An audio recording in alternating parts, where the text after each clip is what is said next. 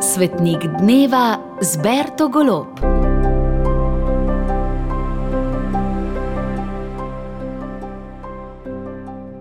Valburga, opatinja. Današnjo godovnjakinjo smo v svetniškem koledarju že omenili. Hči svetniškega očeta Richarda in svetniške matere Vune, ter sestra dveh bratov, svetega Vilibalda in svetega Vunibalda. Rodila se je leta 710 na Angleškem. Vzgajali so jo v samostanu.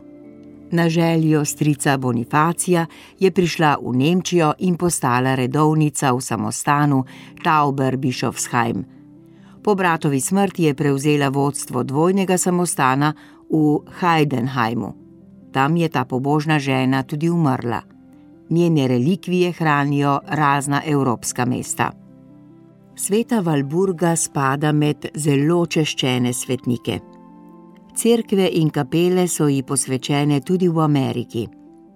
Za zavetnico so jo izbrali številni samostani na tujem in pri nas.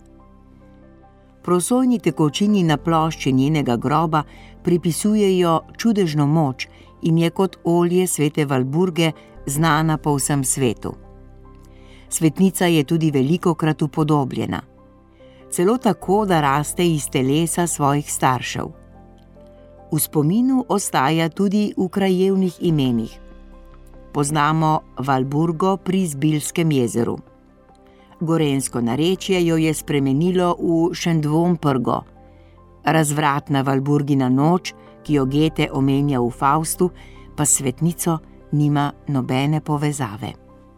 Na koledarju sta še Luigi Versilija in Don Kalisto Caravario, ki sta prva mučenca Domboskovih salezijancev. Na začetku 20. stoletja sta misionarila na Kitajskem. Politični položaj katoliškim misionarjem ni bil naklonjen. Leta 1930 so oboroženi roparji napadli skupino popotnikov v čovnu. Misionarja sta skušala preprečiti, da ti ne bi onečastili treh mladih žensk, od katerih je bila ena katehistinja. Oba so ubili, ropari pa so zbežali. Papež ju je leta 1983 razglasil za blažena.